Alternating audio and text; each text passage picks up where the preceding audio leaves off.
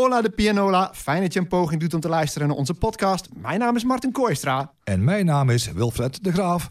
En vandaag gaan we het hebben over de muziek uit 1980. Maar nu eerst... Het is niet te geloven, de tijd gaat zo vlug.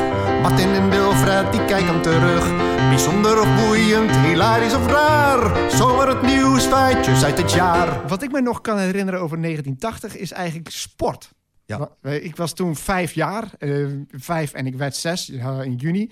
Maar daar zitten wel de eerste levendige herinneringen van sport. En het eerste grote evenement van het jaar was eigenlijk de Olympische Spelen in Lake Placid. En de grote man, dat staat me nog helder voor de geest, was... Eric Heiden. Ja, en die had dan het goud. Ik heb het opgezocht nog, want ik had hem in, in mijn hoofd met een rood-blauw pak. Maar hij heeft alle afstanden uh, echt geschaatst met een goudkleurig pak. En blijkbaar wist hij van tevoren ook, hij had echt ten doel gesteld om al die vijf afstanden te winnen. En dat, was, dat is eigenlijk de enige die dat gelukt is. En moet je nagaan hoe het schaatsen is veranderd. Als je denkt, als je mij vraagt wie is de grootste schaatser aller tijden, Eric Heiden. Hands down. Want er is niemand nu die ook maar enigszins in staat is om alle afstanden 500, 1000, 1500, 5000 en 10.000 kilometer te winnen. Dat kan niemand. Ik bedoel, zie je Sven Kramer, een, nou ja, Sven Kramer, goed voorbeeld toch? Zie je die een 500 winnen? Nee. Of nee. Erwin Wennemars, die kunnen toch niet denken dat hij een 10 kilometer rijdt? Nou ja, Erwin Wennemars is wel uh, allround geweest. Jawel, nou, heeft hij wel eens een allround überhaupt gedaan? Ja, die is volgens mij wel uh, allround kampioen geweest. Nou, hmm, dat, dat, dat zou kunnen, maar hij is altijd een sprinter geweest. Je hebt een hele duidelijke verschil tussen sprinter en, uh, en lange afstandsrijders. Maar Eric Heiden, dat was zo'n fenomeen. Er is zelfs het verhaal dat hij een foto had laten maken, want hij had vier afstanden gewonnen. En hij was erop uit om vijf afstanden te winnen. Alleen het probleem was, uh, er ging een tijdschrift, een wekelijks tijdschrift... dat ging ter perse voordat hij, uh, voordat hij eigenlijk dat, die vijfde medaille had geschaatst. Dus zeiden ze van, nou, zullen we een foto maken voor jou met vijf medailles? Dat was de tien kilometer trouwens die hij nog moet doen. Dan zei hij, nou ja, laten we dat maar doen. Alleen toen bedacht hij ook van, oeh, dat wordt wel lullig... want stel dat ik die tien kilometer niet win... en die foto die lekt ooit uit, dan sta ik mooi, sta ik mooi voor lul. Maar ik kan me van Salt Lake, uh, wat zeg ik, Salt Lake, Lake Placid, de namen lijken allemaal op elkaar. Daar kan ik, me, kan ik me nog best dingen herinneren. Ook van het vrouwenschaatsen.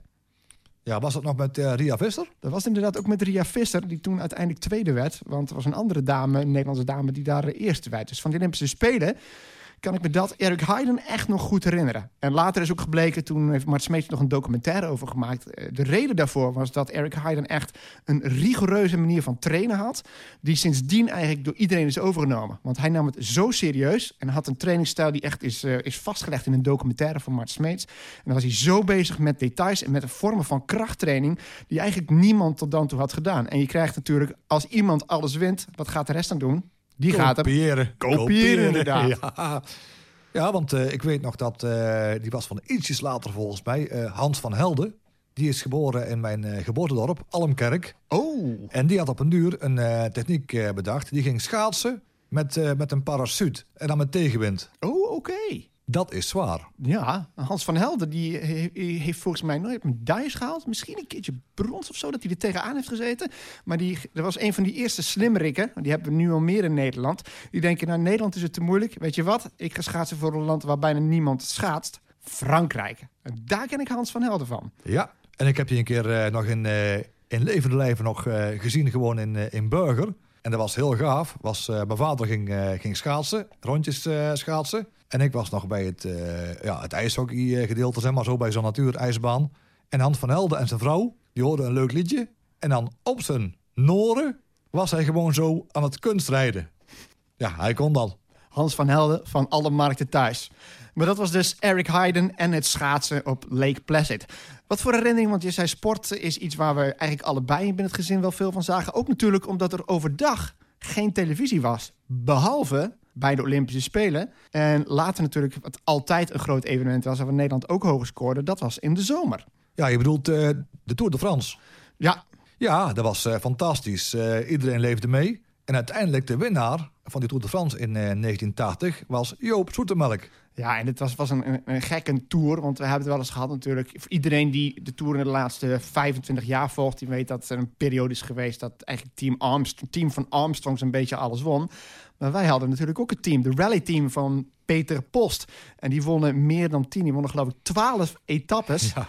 En Zoetemelk die won, maar dat ging niet op, zich, op het gemak. Want dat ene moment, als er één moment is dat die hele tour eigenlijk opzomt... dan is het wel de val. Ja, Ten eerste, Johan van der Velde, die reed daarvoor. En die maakte een beweging waarvan ik denk... hoe kan het dat hij nog op de fiets zit?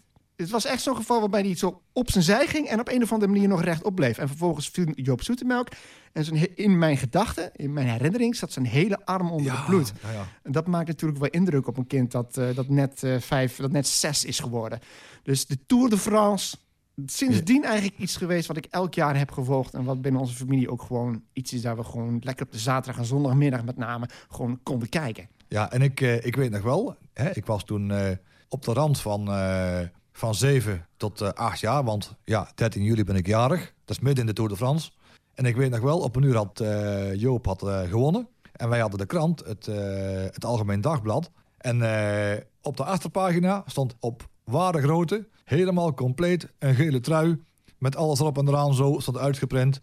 En dan speciaal voor iedereen van trek deze aan, van knip hem uit en trek hem aan. En voel je een dagje Joop. Joop Zoetemelk nog altijd een fenomeen. Ja.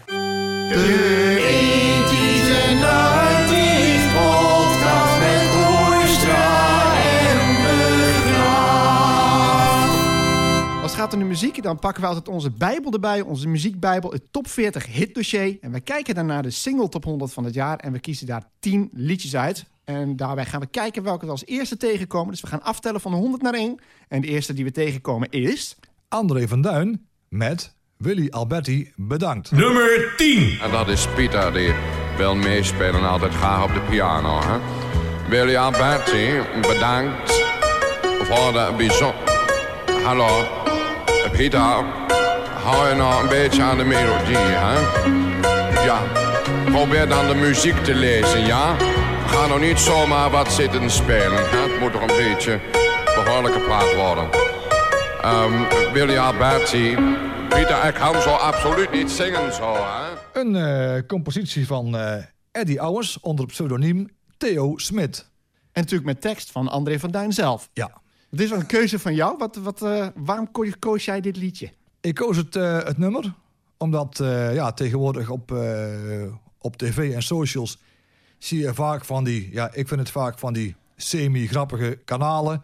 Lucky TV, Blend TV en zo. Maar ik vond dat eh André van Duin gewoon op een, op een grappige manier ook een beetje dit, ja, satire eh, dreef met het Koninklijk Huis. En niet alleen dat, het was ook gericht op, eh, op Willy Alberti natuurlijk. Ja, en ook op Willy Alberti. Ja, zeker. En ja, het leuke ook van André van Duin vond ik altijd... ook met die LP's bijvoorbeeld van de, de Hit van elkaar show... in plaats van dat hij, ja, zoals tegenwoordig overal maken ze een, een remix maken ze ervan... Maar eh, ja, hij, hij maakte gewoon een heel item met die plaat als, eh, ja, als, als middelpunt. Ja, en het had nogal een voorgeschiedenis, want eh, het liedje is opgedragen aan Willy Alberti, maar het is gesproken eigenlijk door André van Duin als Prins Bernhard. Want als we denken aan 1980, dan is er nog één belangrijk nieuwsfeit voor Nederland. En dat is natuurlijk het feit dat Juliana afstand nam van de troon. En dat overgaf, het stokje overgaf aan Beatrix. En dat is iets, omdat Juliana echt een moeder van het volk was, eh, was er wel een geluid in de samenleving om een muzikale ode te brengen aan koningin Juliana. Nou, dan hebben de schrijver die hadden een liedje in elkaar gezet en dat heette Juliana bedankt. En daar probeerden ze eerst de zangeres, voor, zangeres zonder naam voor te benaderen. Die was niet bereikbaar en toen wisten ze Willy Alberti te strikken. En die heeft dat toen gezongen tijdens een uitzending van eh, Tele Bingo. Tele Bingo inderdaad van eh, Mies Bouwman. Op dat moment een fenomeen. Dat was echt twee dagen van tevoren opgenomen. En tijdens, eh, of nadat hij dat had gezongen, zei hij in een interview dat hij wel heel, heel geëmotioneerd was. En dat hij een soort kikker in de keel had tijdens het zingen. Dat was dus ook aanleiding voor André van Duin en de zijn om daar een parodie op te maken. Waarbij hij dus doet alsof Prins Bernhard Willy Alberti bedankt. En natuurlijk zijn speciale gast erin, want het is niet alleen Prins Bernhard. Ja, precies. Want eh, wat je dan hoort is eh, pianospel. En ja, je kan horen dat het de Vlooienmars is. En die wordt dan zo gezegd gespeeld door Pieter van Vollenhoven. Alleen dan, ja, dan op zo'n kneuterige manier. dat is gewoon lachwekkend. Grappig weet je trouwens, uh, Juliana Bedankt stond maar vijf weken genoteerd uh, en haalde de 18e plaats. Staat niet in de single top 100. Dus dat betekent dat de parodie een grotere hit was dan het origineel. het volgende liedje is iets heel anders, namelijk Ska, The Selector, On My Radio. Nummer 9.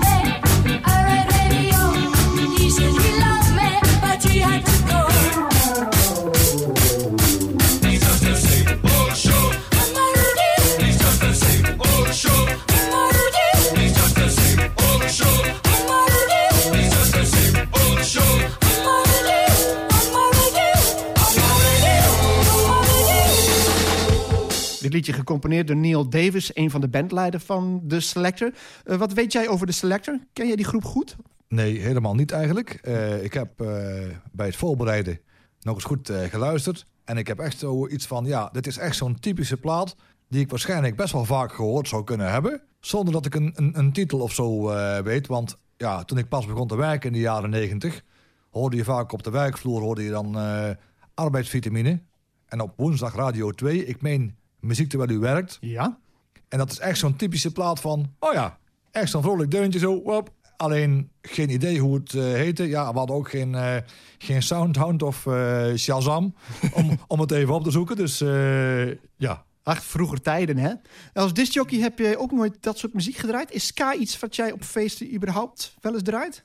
Of gaat het niet verder dan One Step Beyond een keer? Ja, het, bij feesten is het gewoon het pure het puur commercieel 100% uh, eh, hit. Ja, dit was toch wel een top 10 hit. En eh, de Selector was samen met de Specials eigenlijk zo'n beetje de grondleggers van het legendarische Two-Tone label.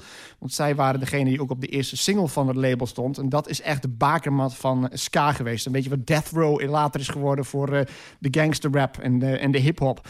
En het, het, handelsmerk was gebaseerd op het logo. Hoewel het altijd de vraag is natuurlijk, is er eerst het logo en dan het handelsmerk? Want als je denkt aan ska, en je ziet het ook bijvoorbeeld bij Madness, dan heb je het over de witte shirts, witte sokken en een zwart pak. Met bij voorkeur ook nog een zwarte zonnebril. Het grappige is dat het logo gebaseerd is op een foto van Peter Tosh. En Peter Tosh is natuurlijk een reggae-muzikant. Natuurlijk heeft reggae, net als ska, ook de, de roots liggen op Jamaica. Maar dat is wel uh, grappig in ieder geval. En dit liedje, uh, zij is trouwens ook een van de, van de vrouwen geworden... die uh, het gezicht is geworden van ska. Zij heeft de bijnaam de Queen of Ska. Zij is ook echt iemand die heel belangrijk in de muziekwereld... want zeker in die tijd, begin jaren tachtig... hadden vrouwen nog niet zo'n prominente plaats. En ska-optredens, daar waren vaak nog wel heftige figuren... die daar kwamen kijken. Dus je moest wel, ja, het spreekwoord is nog één keer... je mannetje staan op het podium om daar overeind te kunnen blijven. En uh, Pauline Black is echt een fenomeen en die heeft dat in die tijd fantastisch gedaan. En ze treden tegenwoordig ook erop en zijn nog steeds muziek aan het maken. Dus de Selector on my radio. Nummer 8.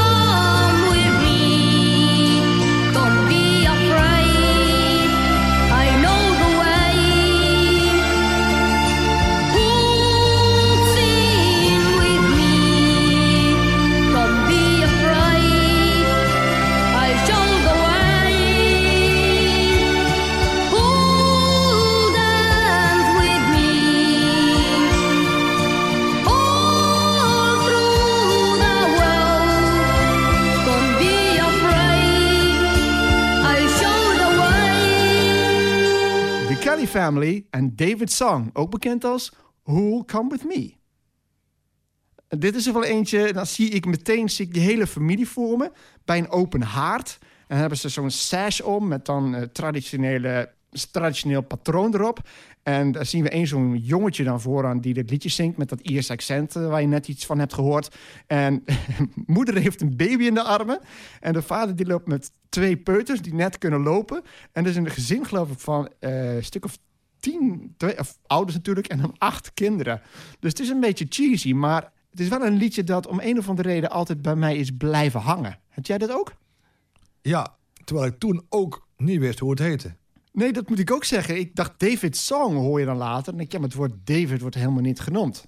En nee, daarom is het ook nee, als precies. je with... Ook denk je, oh, is dat die? Aha. Ja, en pas achteraf gaat het kwartje vallen. Oh ja, want ja, ik zeg eerlijk, mijn eerste kennismaking met, uh, met de Kelly Family was pas in het uh, decibel-tijdperk uh, met Fell in Love with an Alien. Ja, dat was in 1997. Dus dan zitten we echt nog veel verder in de tijd. En toen waren deze kids dus bijna volwassen, zou ik maar zeggen. Dus het de jongste daarbij is waarschijnlijk toen nog niet eens 18 jaar. dus dat is wel grappig. Maar wat ik niet wist dus, en dat, dat, ik heb dat even opgezocht... want ja, wij doen natuurlijk altijd goede voorbereiding hier, goede research. En Vladimir Kosma schreef de muziek en Dan Kelly, de vader eigenlijk, die schreef de tekst. En Vladimir Kosma, dat vond ik zo'n ongebruikelijke combinatie... want dat klinkt niet als een Ierse of een Duitse... want Kelly Family is een Duits-Iers uh, componist. En wat blijkt nou? Dat is dus een Italiaanse-Roemeense componist... en die schrijft muziek voor films en televisieseries. En dit liedje, die exact diezelfde muziek, was de tune, was de herkenningstune van een miniserie uit 1979 genaamd Kidnapped. En toen ik die zag, want je kunt alles op YouTube tegenwoordig terugvinden, dacht ik, dit heb ik gezien. En dit heb ik ook gehoord. Alleen was dat zonder tekst. Dus dat is eigenlijk de voorgeschiedenis van uh, de Kelly Family. Wat, wat vond je, wat je noemde net Fell in Love with an Alien. Is dat iets? Wat vind jij daarvan? Ja, als ik op de radio hoor, zal ik, ja, ik zal het niet afzetten of zo, maar ik zou het ook niet uh, uit eigen beweging uh, gaan draaien. Het kan, het mag en het doet geen pijn. Ja, die. Een beetje Sky Radio. Nummer 7. I live my life like there's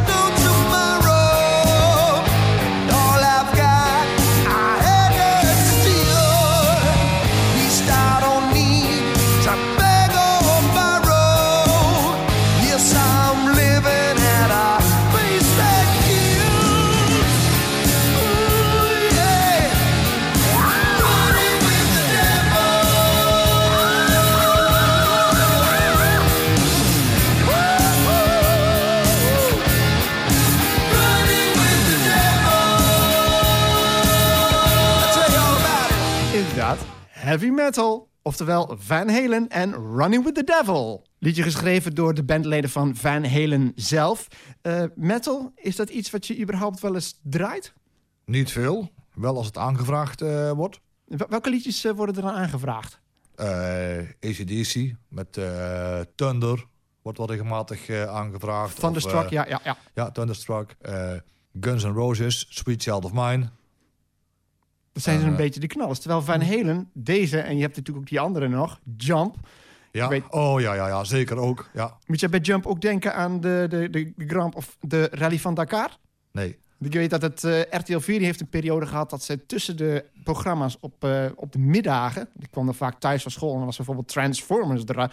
En daar was ik altijd mooi voor thuis. Maar als je dan wat te vroeg was, dan vulden ze om een of andere reden altijd de tijd op met een liedje. En dat was dan een videoclip van Van Halen. Ik weet niet eens of het de officiële was, maar dat bestond dan alleen maar uit beelden van auto's uit Parijs-Dakar. Dus dan was het Jump. Wat zag je dan? Woem! Zag je dan dat zo'n auto over zo'n zandheuvel heen rijden.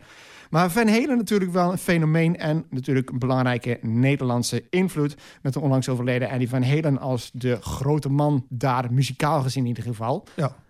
En dit liedje, dat is wel opvallend. En dat zegt ook iets over de tijd. Want tegenwoordig, als je een liedje uitbrengt... is het gelijk overal ter wereld te horen. Via Spotify, via YouTube. Maar dit liedje komt dus uit 1980, zou je zeggen. Want toen stond het in de Nederlandse hitparade. Maar ik ging eventjes opzoeken. En Van Halen was toen al toe aan het derde album. Dus ik zoek dat album op, staat hij niet tussen. Ik denk, nou, misschien is het dan het album Van Halen Tour, 1979. Staat hij ook niet op. Dus wat blijkt het nou? Dit is het eerste liedje van het eerste album van Van Halen uit 1978. En in die tijd dus, voordat het in Amerika, want daar is het opgenomen, is uitgebracht en naar Nederland komt, zat er dus een kleine twee jaar tussen. Dat is tegenwoordig niet meer te bedenken. Nee, want toen ik het, eh, het liedje hoorde, mijn eerste gedachte was van ja, het lijkt wel zo'n eh, zo'n liedje wat ze normaal gesproken gebruiken zo bij, eh, bij films van, eh, van Rocky als hij aan het trainen is. Ja, natuurlijk. Ja, want aan welk liedje denken wij bij Rocky? Survivor. Ja, dat lijkt me ook inderdaad. Tiger, ja. Dat is ietsje later natuurlijk, maar dat is ook nog wel een... dat is een beetje het gevolg hiervan. Want als je kijkt in die top 100... dan staat daar verder eigenlijk bijna niets in dat ook maar in de buurt komt. Het enige wat een beetje richting metal gaat... en de metalliefhebbers die zullen zeggen... hoe kom je erop? Dat is Save Me van Queen. Maar Save Me is een ballad en daar zit dan een beetje een stevige gitaarsolo in. Maar dit is dus het enige liedje, het enige metal liedje... dat op dat moment in die single top 100 stond. En dit is het jaar dat het eigenlijk ook een beetje begon. Want dit is het jaar waarin Iron Maiden het eerste album uitbracht. En waarin de metal eigenlijk echt begon door te breken bij een groot publiek. Dat begon natuurlijk allemaal met Black Sabbath. Maar ja, bands als Metallica, die begonnen ook zo rond deze tijd. Nummer 6.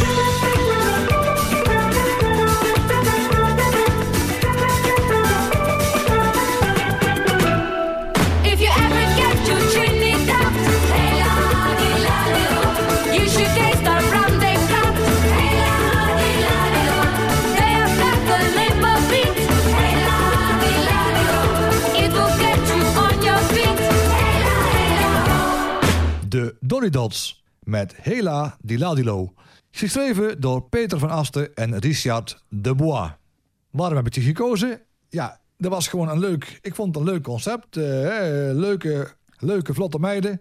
Frisse liedjes. En eh, ja, meteen een heel vrolijk, een heel vrolijk gehalte eh, van het geheel. Ja, echt zo'n tropisch. Je kreeg meteen zo'n zo'n heel tropisch gevoel kreeg je erbij. En dan ja, daar vind ik altijd... ik hou van een beetje van die, van die vrolijke deuntjes. Ja, ik werd er altijd een beetje mee geplaagd. Eh, je hebt natuurlijk ook een zus. Mijn zus was wat ouder dan mij. En ik had in de tijd zo'n kledingkast en dat was tevens een krijtbord. En dan lag er wel een krijtje en dan kwam ik in mijn kamer op een gegeven moment... en dan stond er heel groot op... Martin Hartje Dolly Dots. Daar ergerde ik me groen en geel aan. Niet dat ik de Dolly Dots niet leuk vond, want ik vond de Dolly Dots best leuk. En laten we eerlijk zijn, eh, er zaten best mooie meiden bij. Eh, maar ik vond dat zo flauw. Dat is echt zo'n ah, irritante zus van twee jaar ouder die dat soort geintjes uithaalde. Even gewetensvraag. Wie was jouw favoriete Dolly Dot? Ehm Chill. Oké, voor mij was het Angela toch wel altijd Ah, wel geweest. ja. Eh, eh, maar we hebben ook nog een gezamenlijke herinnering aan de Dolly Dots natuurlijk. Jazeker, ik heb hem opgeschreven. We waren geweest bij het, eh het reunieconcert in, in 2007 in Ahoy. Volgens mij waren we de enige twee mannen. ja, en ik had het idee dat ik misschien wel de enige hetero was. Ja, want wij stonden, wij stonden ongeveer eh, helemaal, eh, helemaal achteraan en we keken overal overheen. Ja, was geweldig. Ja, ik weet nog wel dat daar wat dingetjes fout gingen. Maar dat was ook wel die charme. Dat Ja. heb ik achteraf ook gezien hoe dat in elkaar zat. Het ging om een omkleedmoment.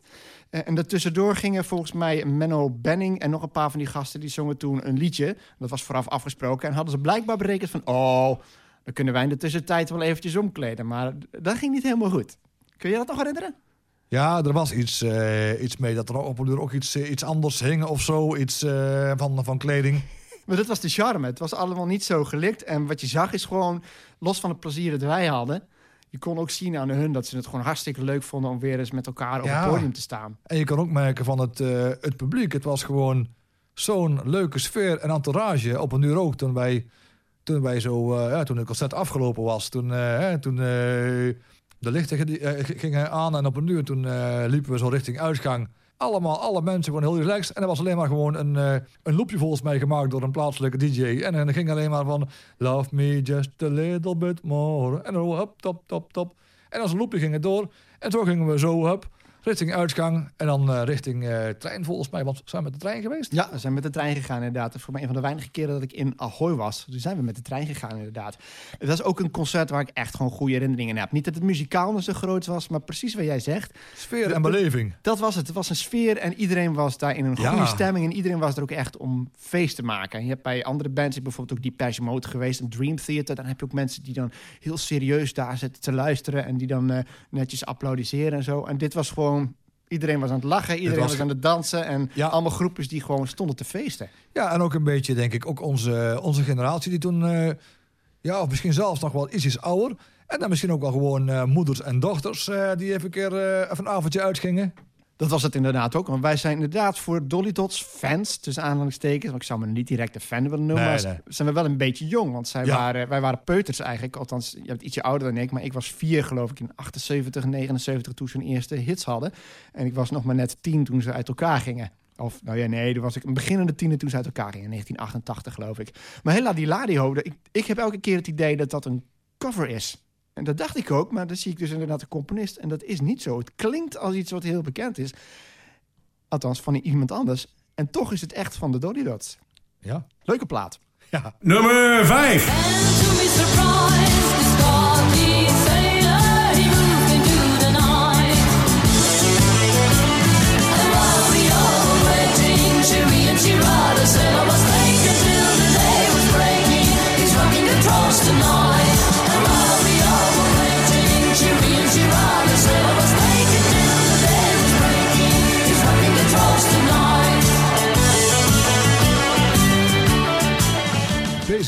Met Rocking the Trolls. Geschreven door de heren Tol, Tuip en Tol. Die muziek ja, werd ik al ook een beetje mee, eh, met, met, eh, mee grootgebracht. Mijn moeder was ook eh, groot BZN-fan.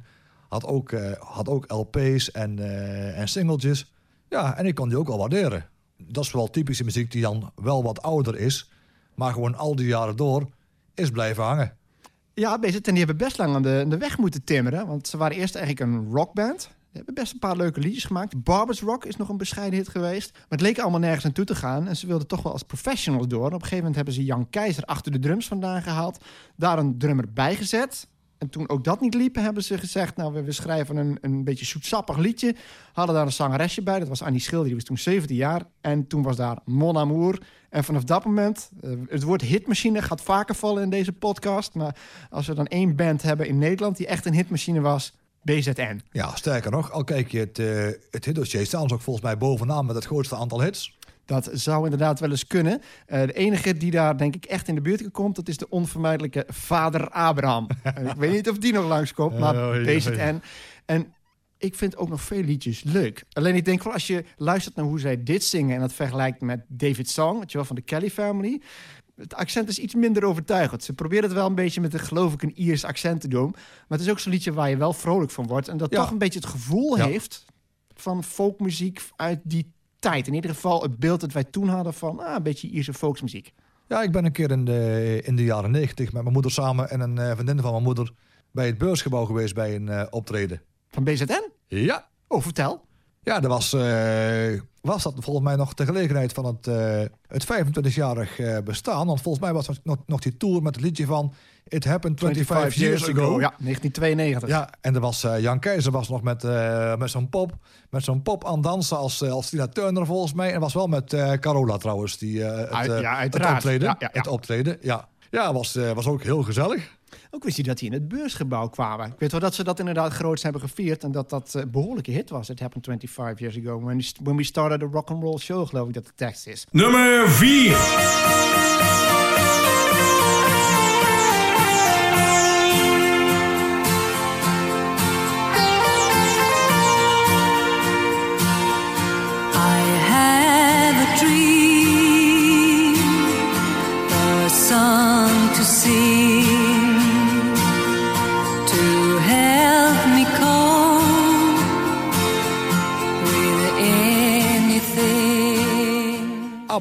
Met I Have a Dream. Net als, eh, als de vele hits geschreven door Benny Anderson en Björn Ulvaeus. ABBA heeft heel veel hits gehad, ook in dit jaar. Waarom pik jij deze er juist uit? Waarom I Have a Dream?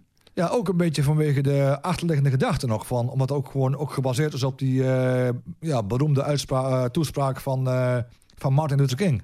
Oh, dat wist ik niet. I have a dream. Ja, dat wist ik wel, maar als Maar, ik het liedje eh, hoor, denk ik niet gelijk aan Martin Luther King. Maar het is er volgens mij wel op gebaseerd. Als ik het goed heb. Ja, en eh, ja, ik denk een keer wat anders als, eh, als, steeds, als steeds weer de, de disco-platen en zo. En ik heb ook pas geleden nog dit jaar die documentaire gezien van Nick en Simon. Die met ABBA bezig waren in Zweden. Oh, Hebben ze op een duur nog eh, ook zo'n heel, zo'n heel kinderkoor hebben ze geregeld. En hebben ze ook gewoon muzikanten van ABBA. Alles hebben ze bijna kunnen regelen. Alleen ja, ABBA zelf, die, eh, die, niet. Maar eh, ja, dus ook, soort, ja, ook nummers gewoon gespeeld hebben. Onder andere I Have a Dream. En dat was geweldig. Ja, en nog een, ja, nog een grappige anekdote. In die tijd, mijn moeder was nogal heel erg bang van de tandarts. En die wist dat alle tanden eruit moesten. En die vroeg aan de tandarts op een duur toen de afspraak gemaakt was van... Vind je het misschien erg als ik, eh, als ik mijn radio eh cassette recorder eh, meeneem... en dan mijn ABBA-bandje opzet? Nou, zegt de tandarts, als u daar rustiger van, van wordt... ja, dat is alleen fijner voor mij. Dus ja, met de ene hand dat hield ik er vast... en de andere hand op de knop. En terwijl I Have a Dream speelde... werden de, werden de kiezen eruit getrokken. oh prettige herinneringen aan, aan ABBA dus. Ik heb minder goede herinneringen eraan, want ik kan me herinneren dat ik een keer voor de verjaardag... ik denk van mijn zus, een bandje van ABBA heb gekocht... bij de plaatselijke platenbar in Drachten was het toen nog. Dix Platenbar, weet ik nog. Ben ik toen naar binnen gehobbeld en dan had ik een bandje van ABBA. Alleen, zoals dat wel vaker voorkwam... en je let niet zo goed op de labels... eh, bleek dat dus niet ABBA te zijn... maar bleek dat een soort karaoke-versie te zijn van een nep-ABBA. Dus dan had je nep-versies daarvan. En dat viel eh, bij mij in ieder geval niet in goede aarde. Ja, dat klopt. Want in diezelfde tijd kocht ik ook wel eens een keer een, eh, een cassette. Dan denk ik, hé, een, een, eh, een bandje met, eh met nederpopplaten. En ik zet hem op en ik denk, verdorie, dit is geen doe maar. Herkenbaar dus. Ja, ik vond het verschrikkelijk. Ik wilde eigenlijk ja, het bandje meteen ter plekke, ter plekke al naar buiten gooien van, ja, rommel. En Doe Maar komt ongetwijfeld op een later moment nog een keer aan bod. Ja, Nummer 3. Sim.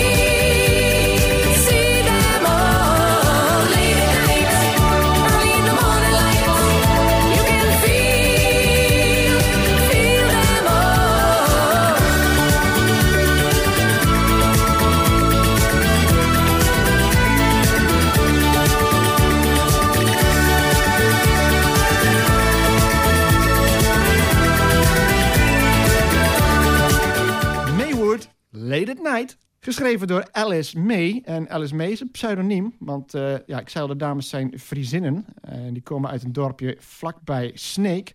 En eigenlijk zijn hun namen eh Alle de Vries. En haar zus die heet Doetje.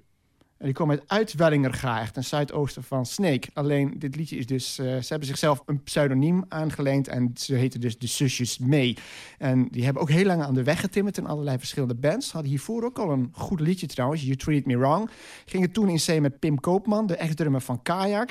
En mooi dansbaar liedje. Ook heel veel exotisch, een beetje clichés zijn het nu... maar je hebt de kastanetten zitten erin... en zitten hoe, hoe, hoe, dat soort dingetjes zitten erin. Een lekker beat en een hoog meezinggehalte. En wat ik zo bijzonder bi- van dit liedje vind... ik word er nog steeds heel vrolijk van... En het klinkt als een liedje dat gisteren opgenomen zou kunnen zijn. Ik vind het totaal niet gedateerd. Het is nog steeds gewoon een heerlijk liedje. En dat van eigen bodem. En een van de grootste hits van 1980. Ja het was gewoon een, eh, ja, een hele leuke deun. Als ik op een, eh, op een fout eh discofeestje draai, haal ik hem ook wel eens tevoorschijn samen met eh, Rio. Welk, Ja, is, welk is populairder bij het publiek als jij draait? Rio of, of Late at Night? Rio. Toch wel. Ja, ook meteen. Ook, ik denk omdat het eh, die opbouw heeft. Hè, met een dan- dan, dan bouw je sfeer, eh, dan bouw je sfeer op. En kent het publiek het refrein ook beter? Merk je dat ook? Rio de Janeiro, Rio. oh, oh, oh. Ja, ook. Ook. Oké. Ook, ja. En eh, ja, eh, toen kwam ik in mijn zoektocht eh, kwam ik nog eh, wat leuks tegen in mijn eh, cd-collectie. En dat was een hele obscure, een obscure house cover, zoals je het nou eh, noemt. Maar het grappige was dat wel volgens mij achter die house cover Hans Alberts eh, zat. Die volgens mij ook gewoon betrokken was bij Maywood zelf. Zelfde producer. Ja, Ik heb die opname gehoord en je kunt dat inderdaad ook al horen. Dus hoe heette zij ook alweer? Fast House. En is die online te vinden? Ja, op YouTube. Gaat dat luisteren, gaat dat luisteren. Het is een beetje jammer eigenlijk dat die zusjes eh, nou ja, wat, wat ruzie hebben gehad. Ze zijn een beetje met onmin uit elkaar gegaan.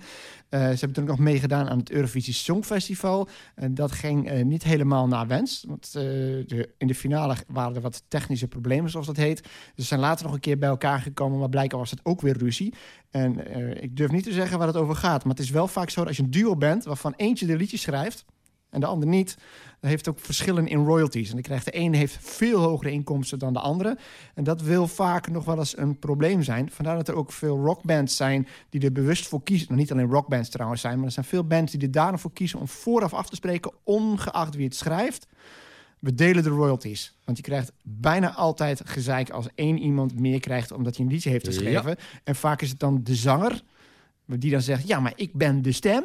En als hij het niet geschreven heeft, krijgt hij toch minder geld. En eh, dat is altijd iets wat speelt. Ja, de- het- is ook een heel grijs gebied. Want ja, als de, ja, de zanger bepaalt zeg maar de, de, de, ja, de, de kleur van de, van, de, van de muziek op het, eind, op het eindproduct. Als een plaat misschien... Het zou misschien een leuke test zijn als je ooit eh, allerlei wereldhits eh, pakt... en dan met een andere zanger dat in één keer denkt van... ja, als dit de echte versie was, had ik hem nooit gekocht. Altijd moeilijk zeggen. Maar je hebt natuurlijk de goede in het hoofd. En als je dan iets totaal anders hoort, dan denk je: nee. Maar ja, je hebt altijd een referentiekader dus. Nummer 2.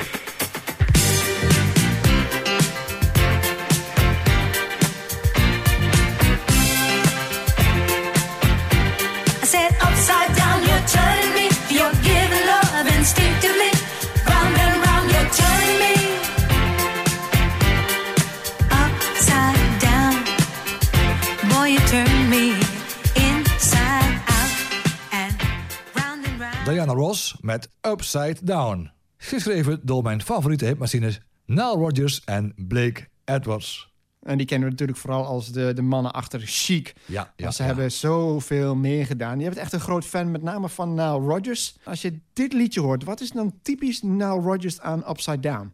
Vanaf de eerste seconde boeit het. Het, het lijkt of hij gewoon customized muziek eh, aan het eh, geschreven heeft. Want bijna alles wat hij geschreven heeft vind ik, eh, vind ik mooi.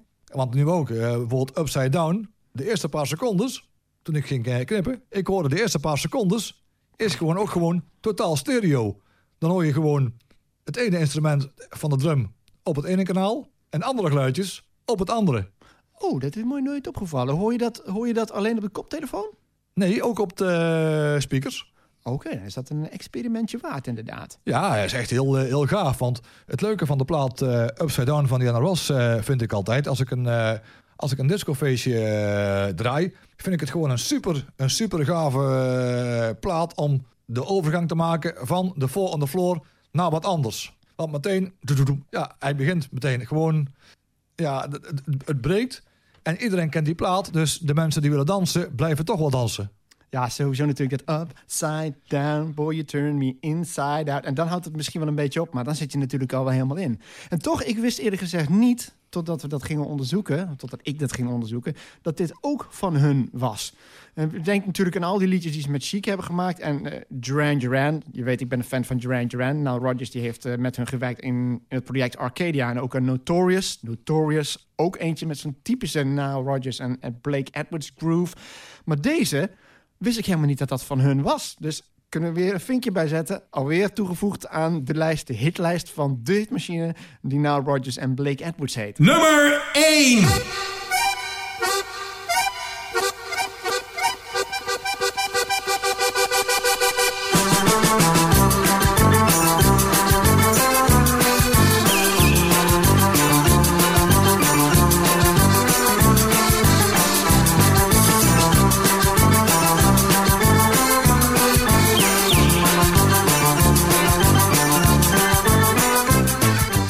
De elektronica's en de vogeltjesdans. Ja! Ja, dit is een liedje met een bijzondere voorgeschiedenis. Want het is geschreven door een, eh, de melodie in ieder geval, door een Zwitserse accordeonist genaamd Werner Thomas. En Tony Randall behoort ook tot de, de, gerecht, tot de rechthebbenden. En dit is een melodie die ooit geschreven is ergens in Zwitserland op een bergje in 1955. Dat is dan ooit eens opgepikt in België door een Belgische producent. En die heeft het eh, overigens in 1973 pas, dat zit dus bijna 20 jaar tussen, pas voor het eerst uitgebracht als Cash and Carry. En dat liedje heette Chip Chip. Dat liedje staat ook eh, online. Chip Chip is trouwens geschreven op zijn, eh, ik denk op zijn Zwitsers of zo, of op zijn Frans. T-C-H-I-P. Chip Chip. Luister die versie. En als je dacht dat de, als je al een hekel hebt aan de versie van de elektronica's, die mensen die zijn er ook, de haters, dan moet je deze versies horen. Die is echt abominabel. Maar de vogeltjesdans is zo'n internationaal fenomeen geworden. En er is zelfs in eh, Happy Feet, geloof ik dat het is, een eh, animatiefilm, is er nog een recente variant van gemaakt. Zo vaak gecoverd.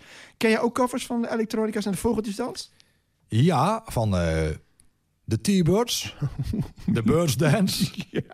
en, wat, en wat denk je nog van eh, Grandmaster Chicken en, eh, en, en, Daddy Duck? Die naam ken ik wel. Maar hadden die ook een variant hiervan? Ja, en dat instrumentaal vond ik volgens mij een klein beetje lijken. Iets, iets weg hebben van, eh, van de Macarena. Van, you know, the birds and the bees and the monkeys got a tree. En dan... Ja. Overigens ook een aardig weetje. Eh, er is een documentaire over eh, de componist eh, te zien. Dus de accordeonist Werner Thomas. Die beweert dat hij ook het dansje daarvan heeft bedacht. En als je de elektronica's gaat opzoeken, een vogeltjesdans... dan kom je, uit een, kom je uit op een fragment dat denk ik uit op volle toeren kwam. Je had ook op losse groeven, dus dat zit er een beetje tussenin. En ik voel elke keer weer medelijden met die, die mensen... die daar in zo'n heel stom kippenpak moeten rondlopen... en dan constant dat dansje moeten doen. Dan denk ik, oh, als iemand daar herkenbaar is... zal toch niet zo zijn dat hier mensen hier rondlopen... die met trots vertellen... hey, die gast in de kippenpak bij de elektronica's... Dat was ik. Ik denk dat niemand dat heeft. Dat mensen dan proberen zoiets hebben van... oh nee, begin er nou niet weer over. Maar iedereen kent het overal ter precies. wereld. Eh, wij hadden thuis het, eh, het singeltje. Was een, eh, ook gewoon een getekend eh, iets met zo'n vogeltje erop.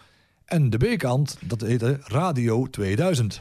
Ja, en dat, dat, is, dat is een beetje vreemd. Is dat een promo voor Radio Roosendaal? Of een radio... Het wordt steeds genoemd Weet in. Roosendaal. Ja, Ja, het is een, het is een promo bij zo'n Radio 2000, Nederlandse muziek in Roosendaal. Dan denk ik, wat, wat heeft, moet dit nou op een singeltje? nou ja, ik zeg eerlijk van... eh, ik hoorde op een duur ook het, eh, het singeltje van eh, De Vogeltjesdans.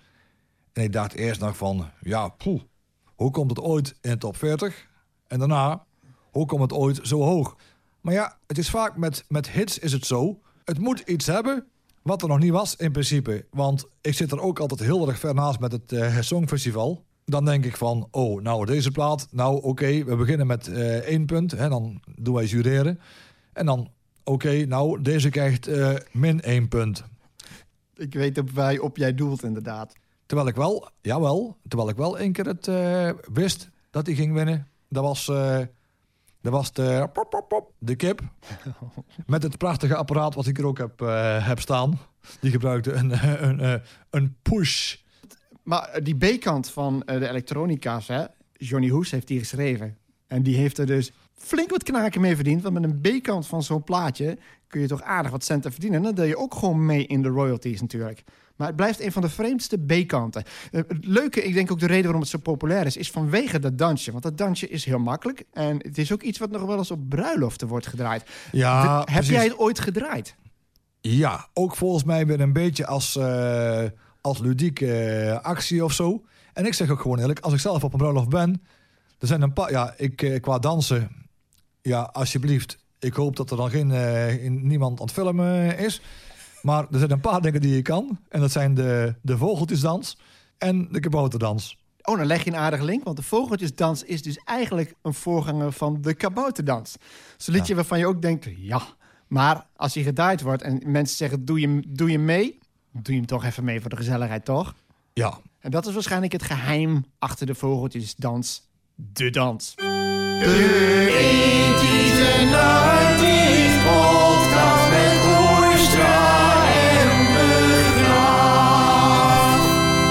En daarmee zijn we aan het einde gekomen van deze podcast over 1980. Leuk dat je geluisterd hebt. Houdoe en bedankt.